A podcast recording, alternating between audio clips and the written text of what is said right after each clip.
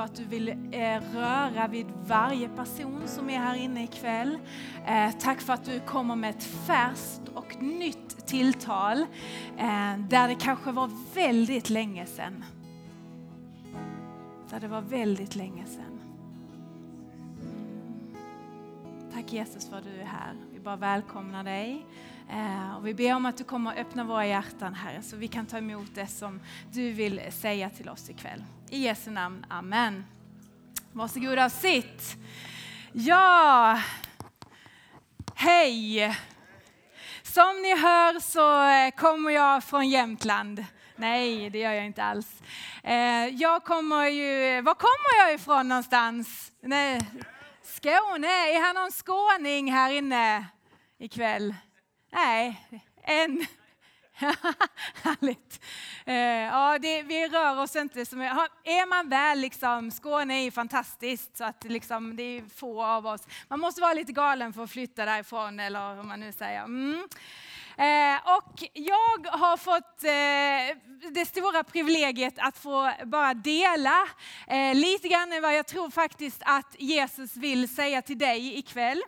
Eh, jag har kört eh, fyra och en halv timme eh, för att komma hit. Jag, jag befinner mig i Östersund till vardags, men jag bor utanför Åre. Så jag har kört från Undersåker här vid tvåtiden i eftermiddag. Så, så att, känner ni att ni, oj, det var ju väldigt vad hon var i gasen, så är det för att jag har druckit mycket kaffe och suttit stilla i fyra och en halv timme. Så jag har liksom utlopp så. Eh, jag har fått ta emot Jesus som 16-åring. Ehm, jag tänker, alltså skulle jag kunna få eh, en av de här barstolarna där längst bak upp här på scen? Alltså, och det, de, alla reser sig där bak bara. Nu får vi se vem som är snabbast och starkast här. Nu är det bevis här. Ehm, jag fick ta emot och möta Jesus som 16-åring. Och jag var en, det är inte därför jag tar upp en barstol här, eh, men jag var en ganska party, partytjej var jag. Partybrud, tack. Ja, så känner mig hemma på en sån här, tänkte jag säga. Får man lov att säga så här? Ja. Ehm, men eh, han blev så tydlig för mig eh, Jesus på samma sätt, lika tydlig som du lovsångskillen är här. Eh, framför mig nu. Så tydlig blev Jesus eh, när jag mötte honom som 16-åring. Men jag är inte kristen idag därför att jag hade ett möte med Jesus när jag var 16. För som ni ser nu så är jag inte 16 längre. Utan jag, det har gått några år, jag har flyttat lite vatten här under. Eh, mm. Jag är 43. Vad vill du att jag ska göra? Ska jag ta av dem? Ja. Mm. Bara något mer? Jag kan göra för dig. Pälsen, funkar den? Eller, ja. ja. Jag tar bägge två, för annars blir det inte synkat.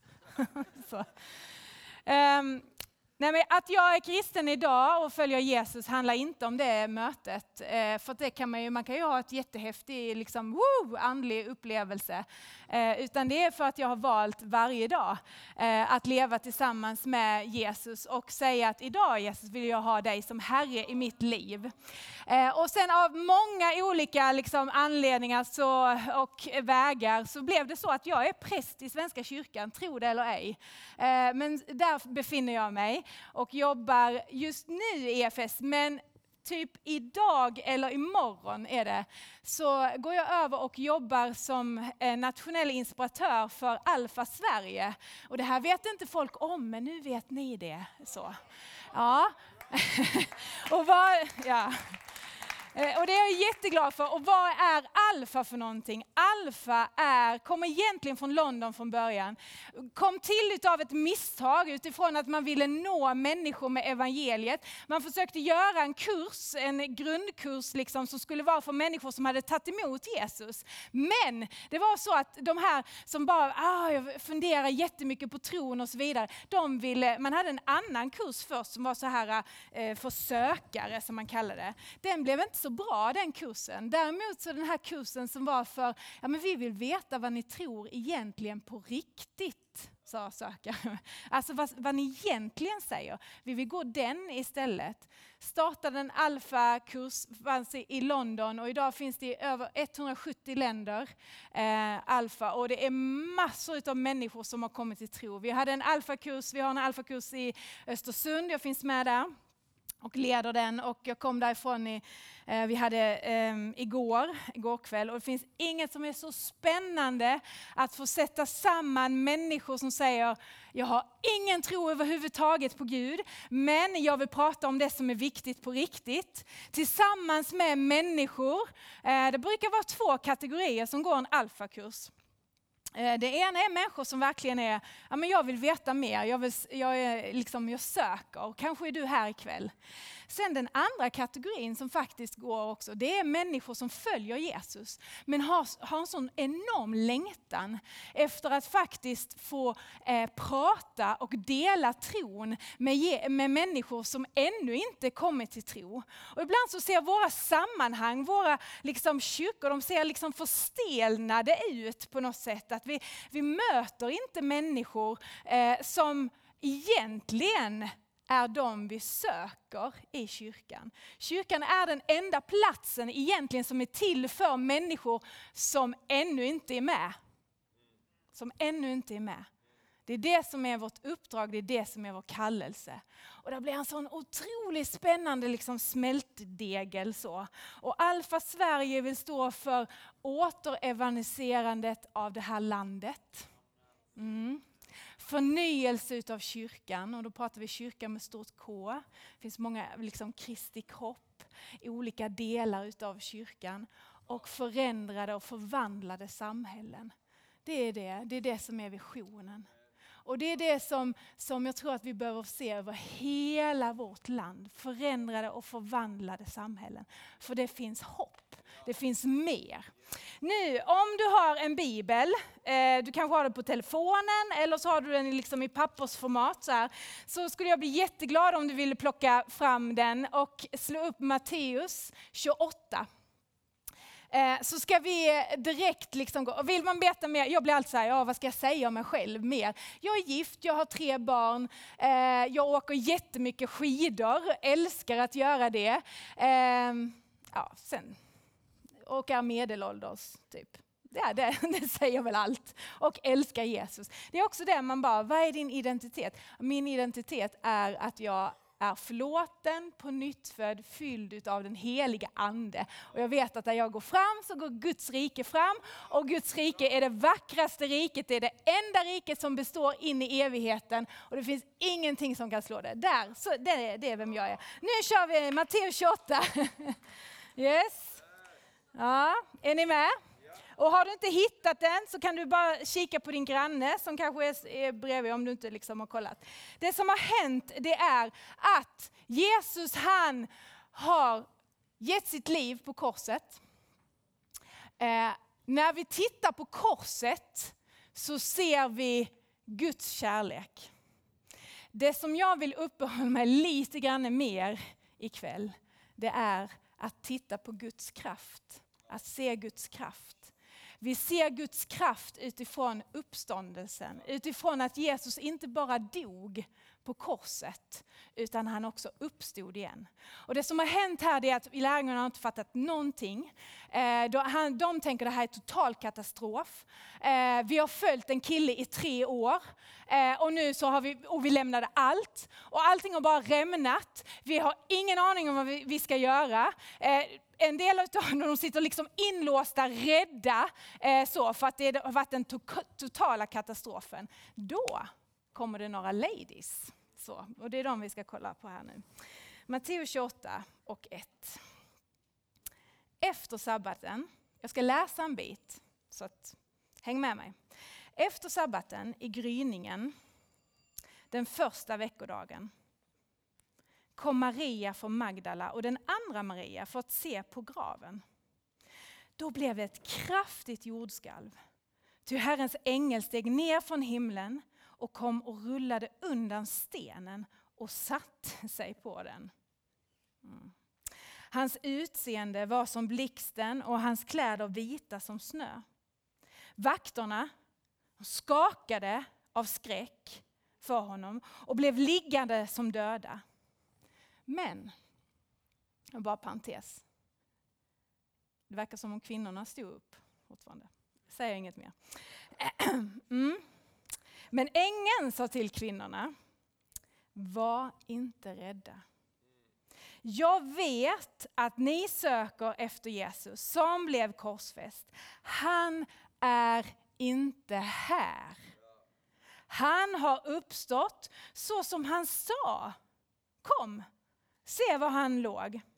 Skynda er sedan till hans lärjungar och säg till dem, han har uppstått från de döda och nu går han före er till Galileen.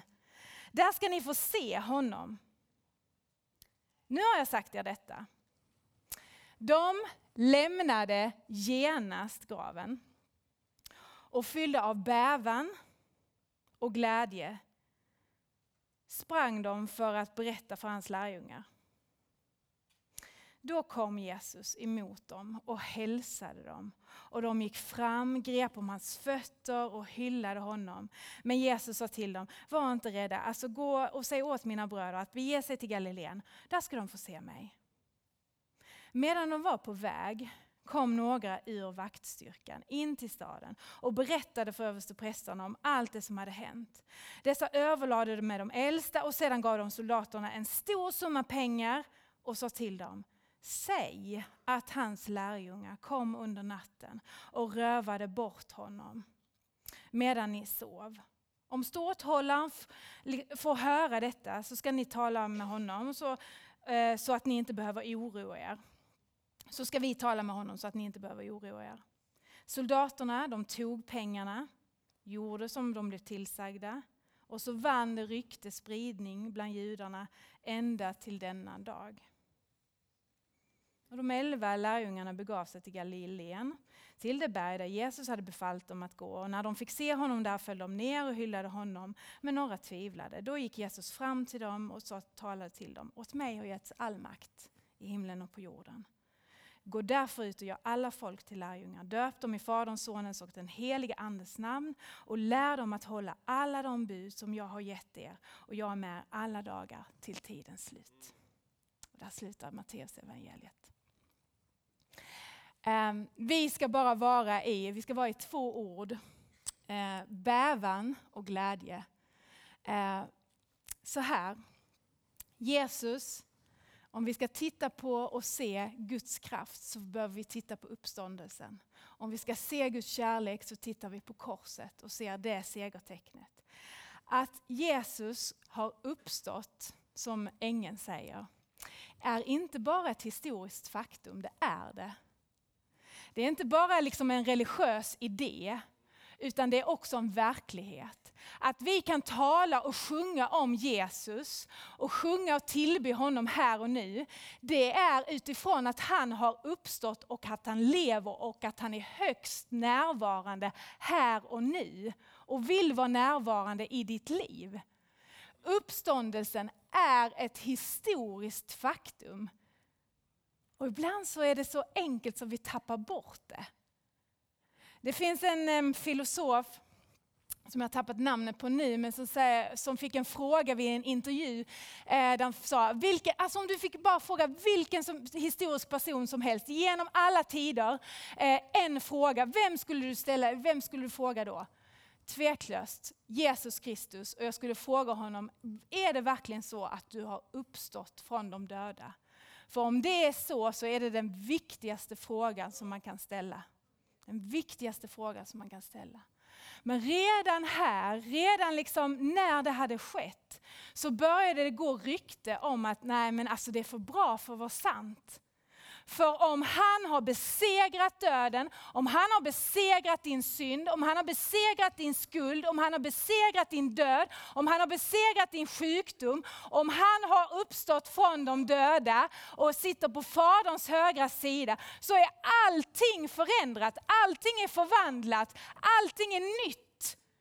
Om det är så, så är det det absolut viktigaste som du kan göra i ditt liv. Det är att ta reda på vem han är och vad han vill göra med ditt liv och vad han vill tala in i ditt liv. Det är det absolut viktigaste. Det finns inget viktigare för någon i Örnsköldsvik någonsin.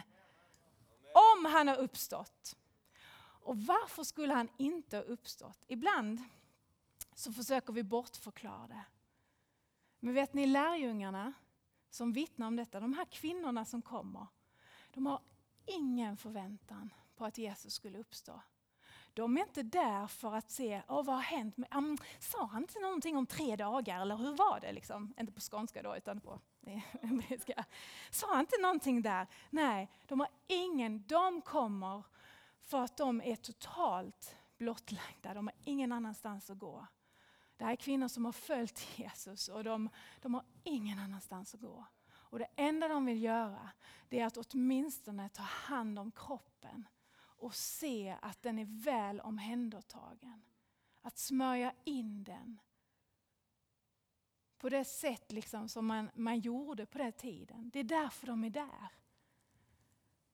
De hade ingen förväntan på att Jesus skulle uppstå igen och ändå så ser vi förvandlade liv genom Nya Testamentet. Och inte bara genom Nya Testamentet utan genom 2000 år fram till den här kvällen. Förvandlade liv genom hela jorden, genom alla tider, genom hela världen. Graven var kraftigt bevakad på den här tiden om, man skulle, om, om någon skulle liksom rymma de här vakterna visste att de skulle få sätta livet till om inte kroppen var kvar. Den var kraftigt bevakad. Man kan tänka sig att ja, de hallucinerade. Mm. Men en hallucination är ofta kort, den är ofta under liksom enskilda människor, inte där, man kan, där det står igenom Nya Testamentet att Jesus han under 40 dagar vid olika tillfällen med över 500 personer visar sig. Det är inte en masshallucination eller någon masspsykos, utan det här är över, över lång tid som Jesus visar sig. Och så de allra flesta, jag skulle säga alla, lärjungarna, de första lärjungarna fick ge sitt liv för att de bekände Jesus Kristus som Messias. Om det var så att de visste att det var en lögn så skulle de aldrig ha utstått all den smärta, all den förföljelse, all den tortyr om de visste att det här var bara en lögn. Att Jesus han uppstod från döda skulle jag säga är historiskt, det är vetenskapligt och det är logiskt. Utifrån de bevis, utifrån de vittnesbörd och utifrån det vi kan se utifrån Nya Testamentet. Vi bygger inte en tro på åh, flum och lite, åh, jag kände som att ah, här kändes gött. Liksom. Utan vi bygger en tro på saker som är som håller, som är förnuftsmässigt och som kan stå igenom liksom all, alla undersökningar. Det är det vi bygger på. Det är det vi bygger på. Och Det som är så underbart här det är att det är kvinnorna Kvinnorna får vara vittnen och kvinnor på den här tiden får inte ens vittna i en domstol. Men det bara visar att Jesus, att Gud han använder vem som helst, tar vem som helst för att ära honom och för att förvandla ett liv och för att förvandla. Men så är det så här, okej okay, så tänker vi, åh vad häftigt och så får de möta den här ängeln och har man mött en ängel någon gång så, så är det väl liksom, sen mår man väl jättebra och du är överbevisad och, och så står det ju här liksom att, ja men gå nu och säg till lärjungarna Eh, nu är jag liksom vers 6 och sen så, nu har han uppstått från de döda och så lämnar de graven. Okej, okay, de lämnar det här monumentet, de lämnar där han inte är. Och om man läser i de andra evangelierna så är det jätte, liksom, det är till och med så att det är ihopvikt, liksom, eh, den här linneduken som var över Jesu ansikte. Eh, den är ihopvikt och ligger fint på ett annat ställe. Och resten av svepningen, det är som om någon bara har rest sig därifrån. Så är det beskrivet. Så lämnar de den här graven och så står det, så beger de sig till lärjungarna för att berätta med bävan och glädje. Och jag tror att den här predikan, den är till dig som befinner dig i bävan och glädje. Men som befinner dig, för nu befinner sig eh, tjejerna, kvinnorna, liksom i en mellanperiod. Det står att genast gick de iväg, de sprang iväg. Och sen så står det så här. De lämnade graven och för att berätta och de var fyllda av bävan och glädje. Och så berättar de för hans lärjungar. Och så står det i nästa mening, då kom Jesus. Men vi vet inte hur länge de sprang. Vi vet inte hur länge de gick. Vi vet inte hur lång tidsperiod det är. Vi tänker väl, ja så lämnar de och så pang, där kom Jesus.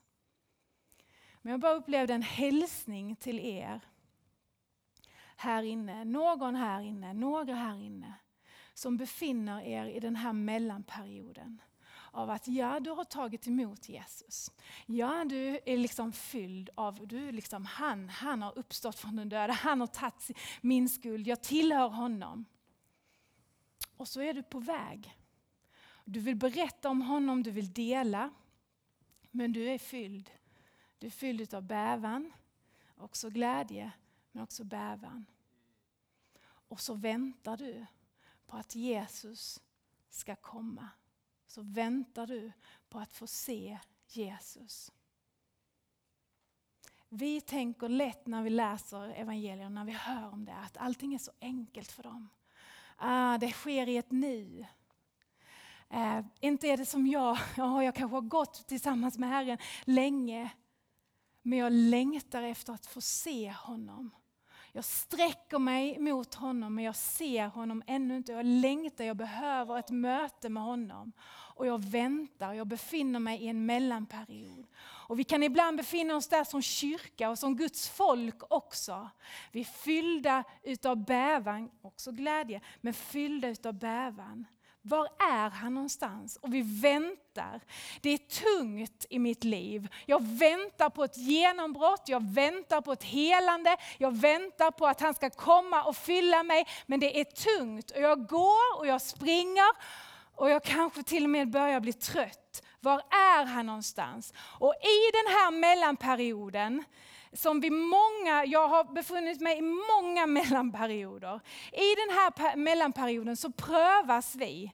I den här mellanperioden så kommer det fram vilka är vi egentligen och vad är det han har lagt ner i oss? I den här mellanperioden så har jag upplevt så många som man har haft ett väldigt kraftigt möte med Jesus. Men så är det som om man får en liksom grus i dojan. Man får ett sandkorn eller en sten i dojan. Man vet att där framme, någon som varit på fjällvandring någon gång? Alltså man kan se, ja en, ni är inte så sportiga här i Övik eller? Ah, jo då. Förlåt, jag åker ju hem sen va, så jag kan ju säga vad jag vill nästan. Eh, men när man är på fjällvandring och så ser man, där ska jag gå, där är målet och jag kan se det långt framme, liksom, ser ofta fjället på långt håll och man går och man går och man går. Men du slutar ju inte gå bara för att du får en grus i dojan. Du fortsätter ju att gå, eller hur? Men så många av oss, av att någonting händer, jag är i den här mellanperioden, jag är fylld av bävan och så sätter jag mig ner.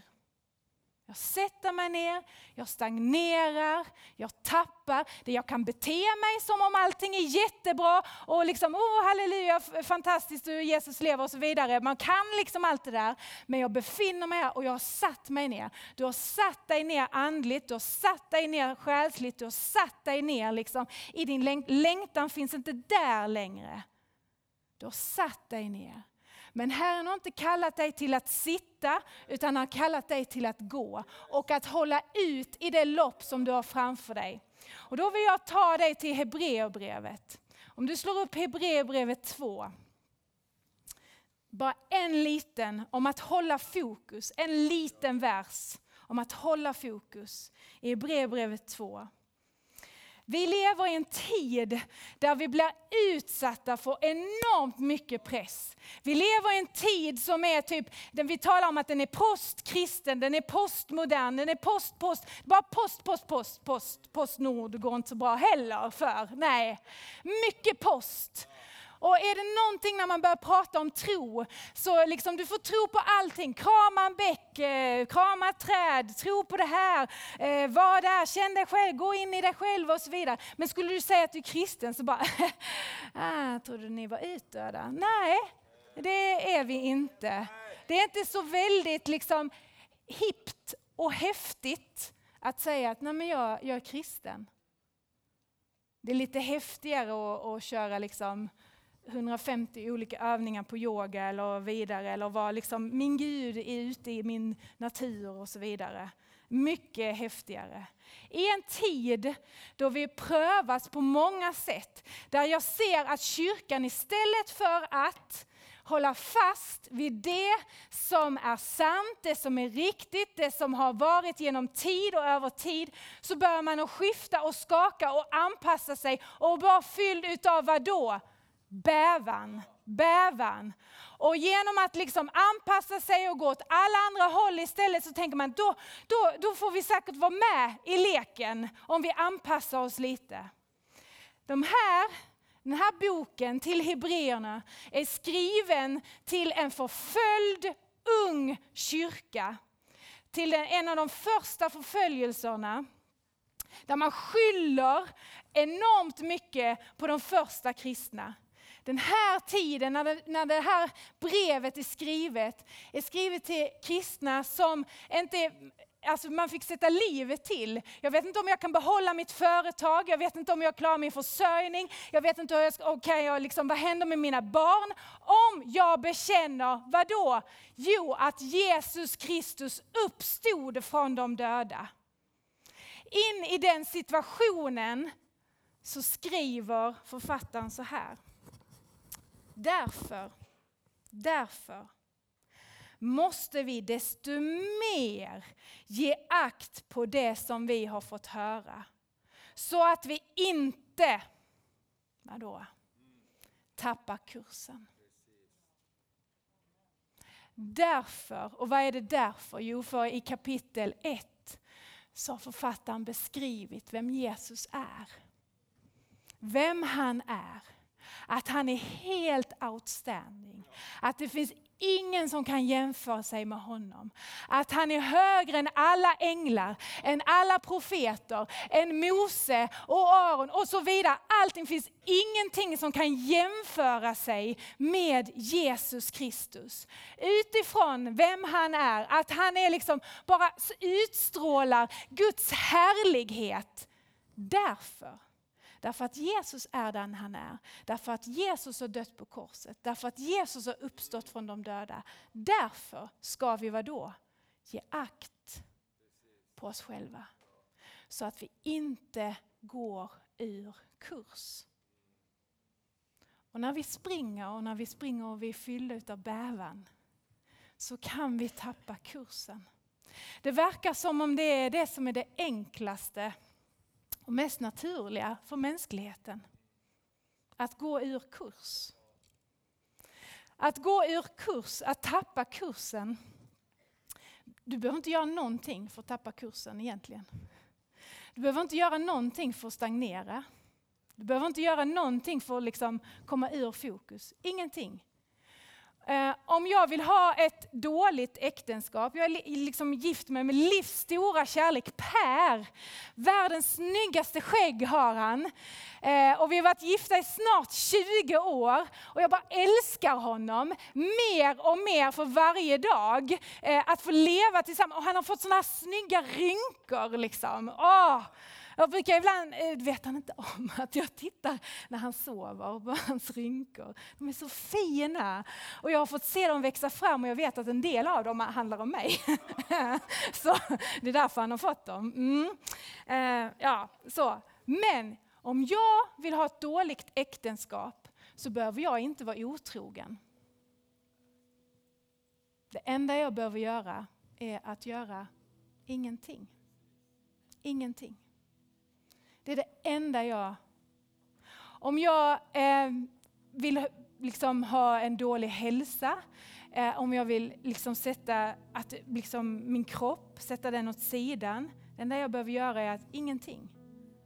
Jag behöver inte träna mer. Det är inte så att jag behöver slänga i mig liksom 25 påsar chips, utan jag behöver bara göra ingenting. Hamnar jag i kurs så stagnerar jag, går neråt. Ingenting. Ingenting.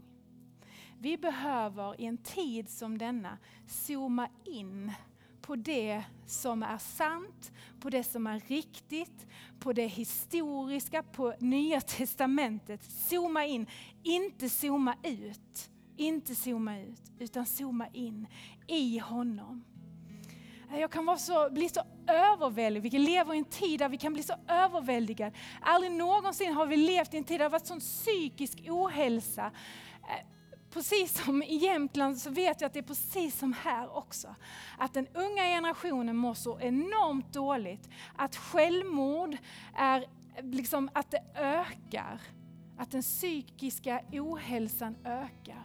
Och vi kan bli överväldigade när vi läser om detta, all lidande, all smärta. Om vi inte håller fokus. Om vi inte håller fokus och är i honom. När Jesus han undervisar om vem han är i Johannes 15 så talar han om att vi ska vara i honom. Vi hittar inte modet att gå ut, vi hittar inte modet att vara oss själva i oss själva, utan vi hittar det bara i honom. Det är han som vet vem du är, det är han som vet din identitet, det är han som vet dina gåvor, det är han som vet vad du gillar, det är han som vet vad du mår bäst av. Inte i dig själv, inte i dig själv. Vi är inte bara en produkt, vi ska inte vara bara en produkt av den här tiden, utan vi är en produkt av evigheten. Ditt namn finns i evigheten. Gud har kallat dig till ett evigt liv. Det är evigheten som får sätta. Så sluta och liksom scrolla igenom andra människors liv för att hitta dig själv. Sluta och scrolla igenom liksom allting annat. Utan gå ditt lopp, spring ditt lopp, det som han har kallat dig till. Det som han har kallat dig till.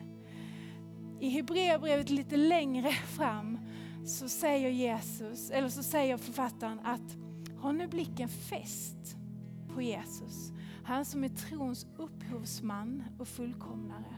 Så att ni vadå? då? Inte tröttnar i det lopp som ni har framför er.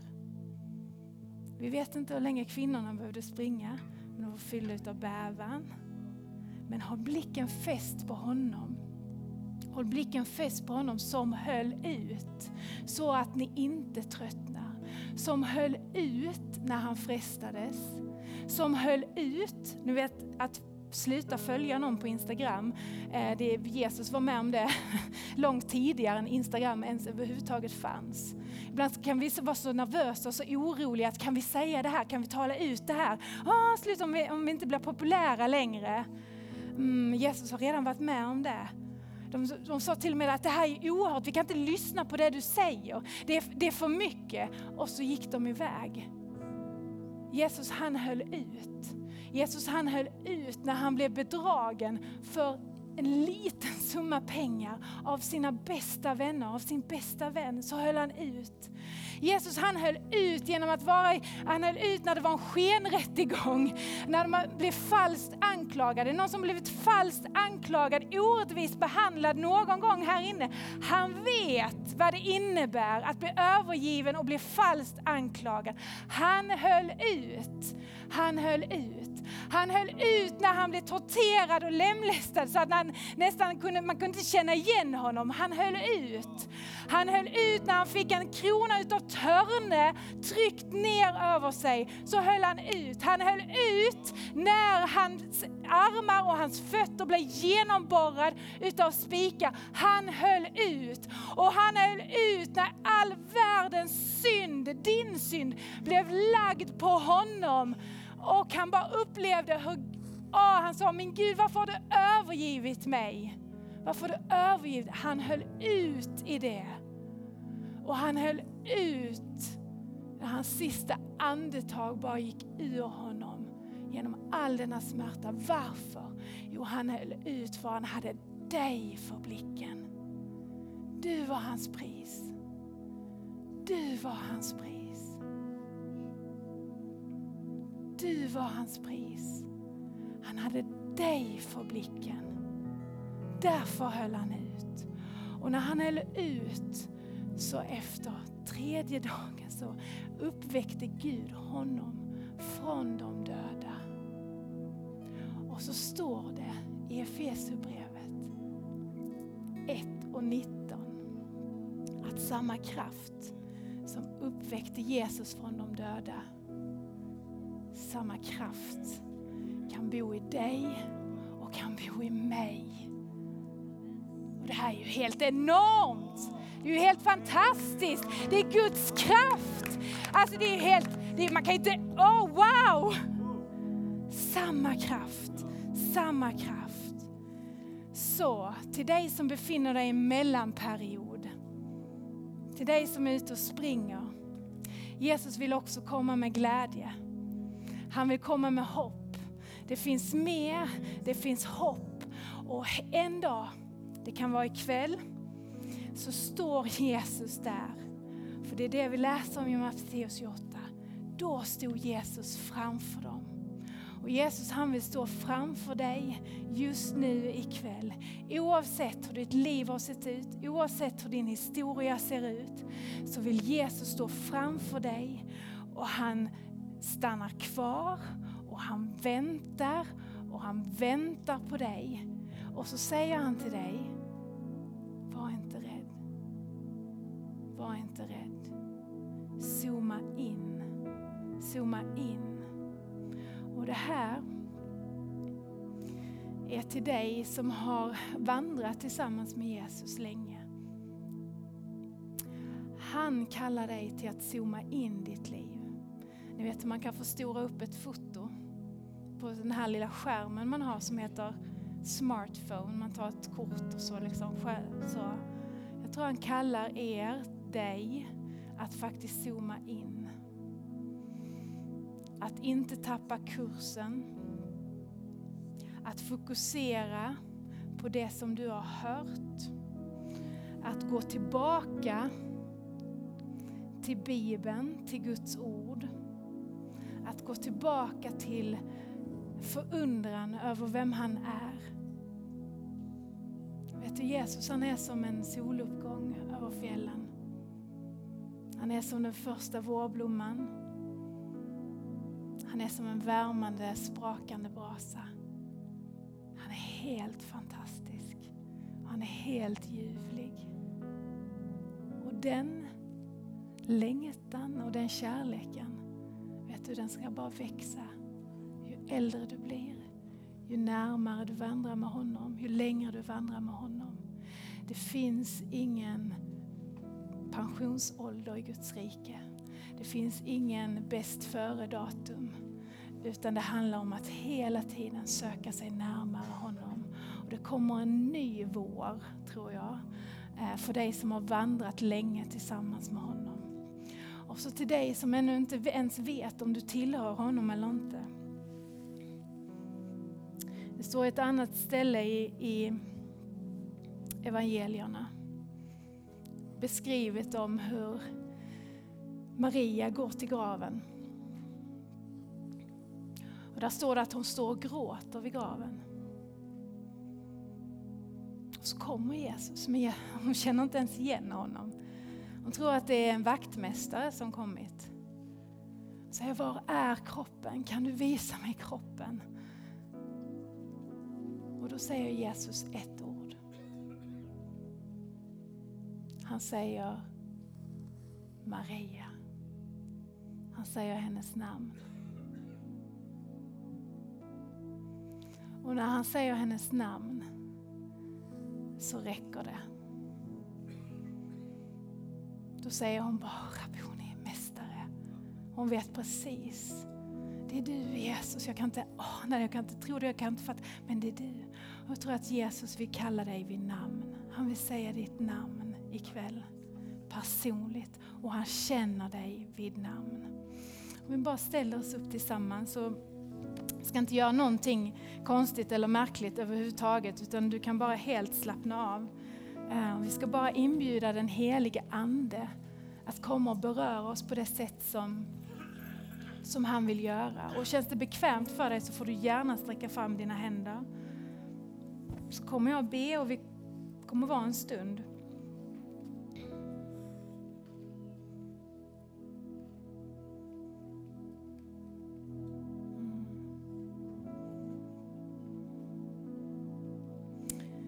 Ber vi Jesus om att du som är uppstånden, du som lever, du som är här med din kraft just nu, att du kommer och berör oss på det sätt som vi behöver. Vi ber helig Ande kom.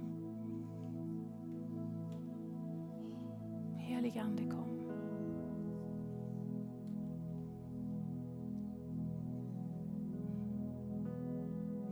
Och nu vill jag bara be för dig som inte vet om du är kristen eller inte, men som vill eh, ta emot Jesus. Som vill höra ditt namn ikväll. Som vill höra hans röst. När du bara på ett enkelt sätt, bara tyst för dig själv, kan viska den här bönen efter mig. På det sättet så bara bjuder du in Jesus i ditt hjärta.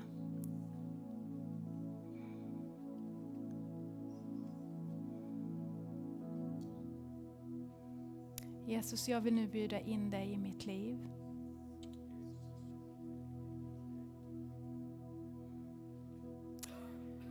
Jesus, jag vill att du ska vara Herre i mitt liv.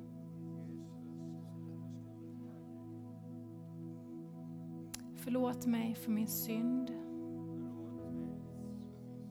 Jag ger den till dig. Kom och fyll mig med din heliga Ande. Och hjälp mig att leva resten av mitt liv tillsammans med dig.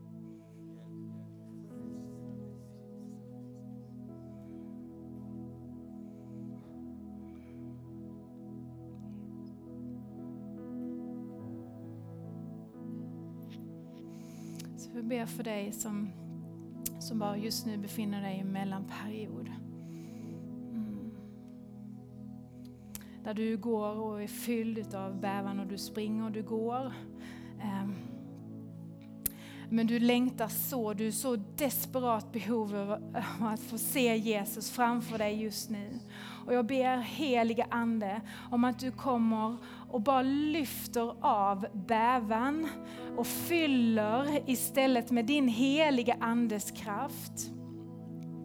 Jag tackar dig Jesus för att du är här just nu och bara säger var inte rädd, var inte rädd, var inte rädd.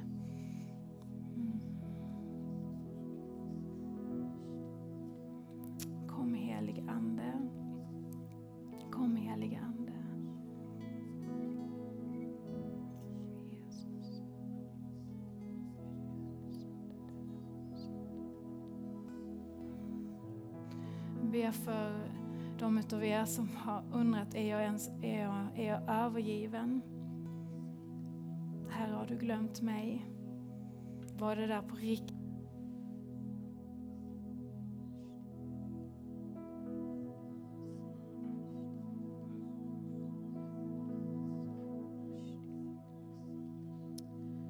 Kom Jesus, bara rör vid de människorna just nu att du kommer och bara lyfter av lögner. Lyfter av bojor. Kallar människor ut ur eh, ett fängelse.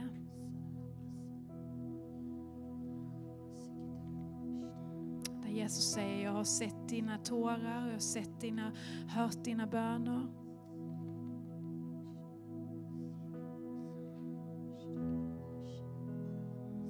du är inte övergiven. Jag vet väl vilka tankar jag har för dig, säger Herren. Fridens tankar, framtid.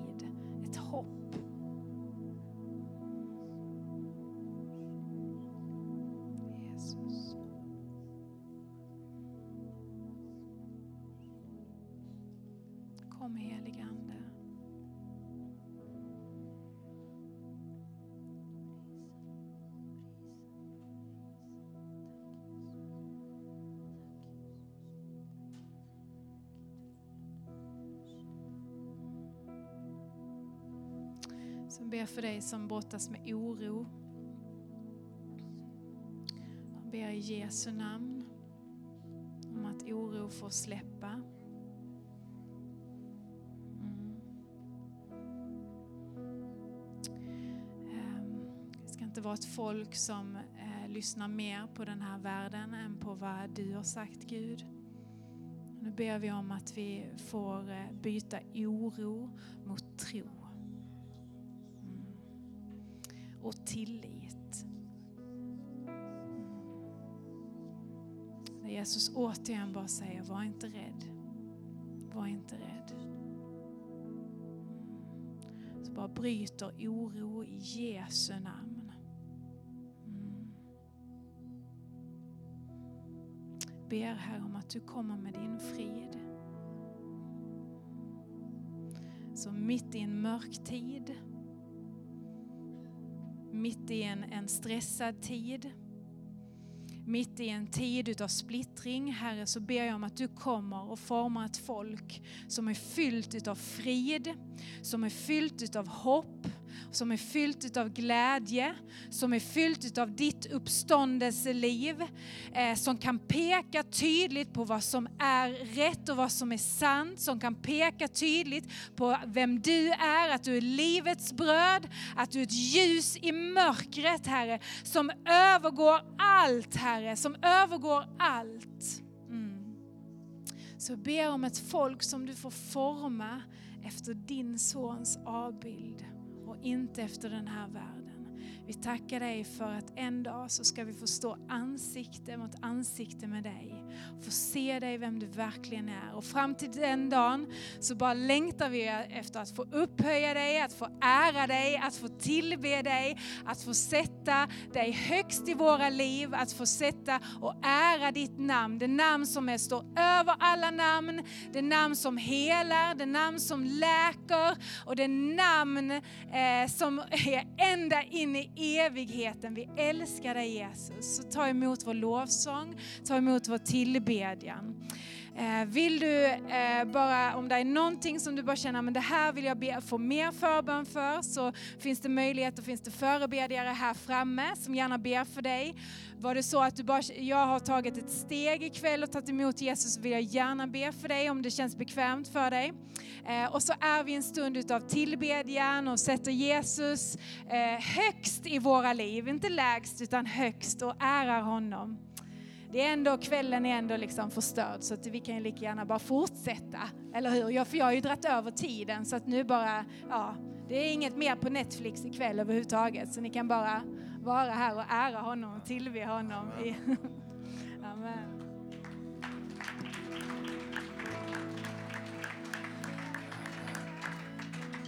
Du är välkommen att komma fram och söka förbön här så så kommer vi fortsätta prisa Gud tillsammans. Jesus, vi älskar dig.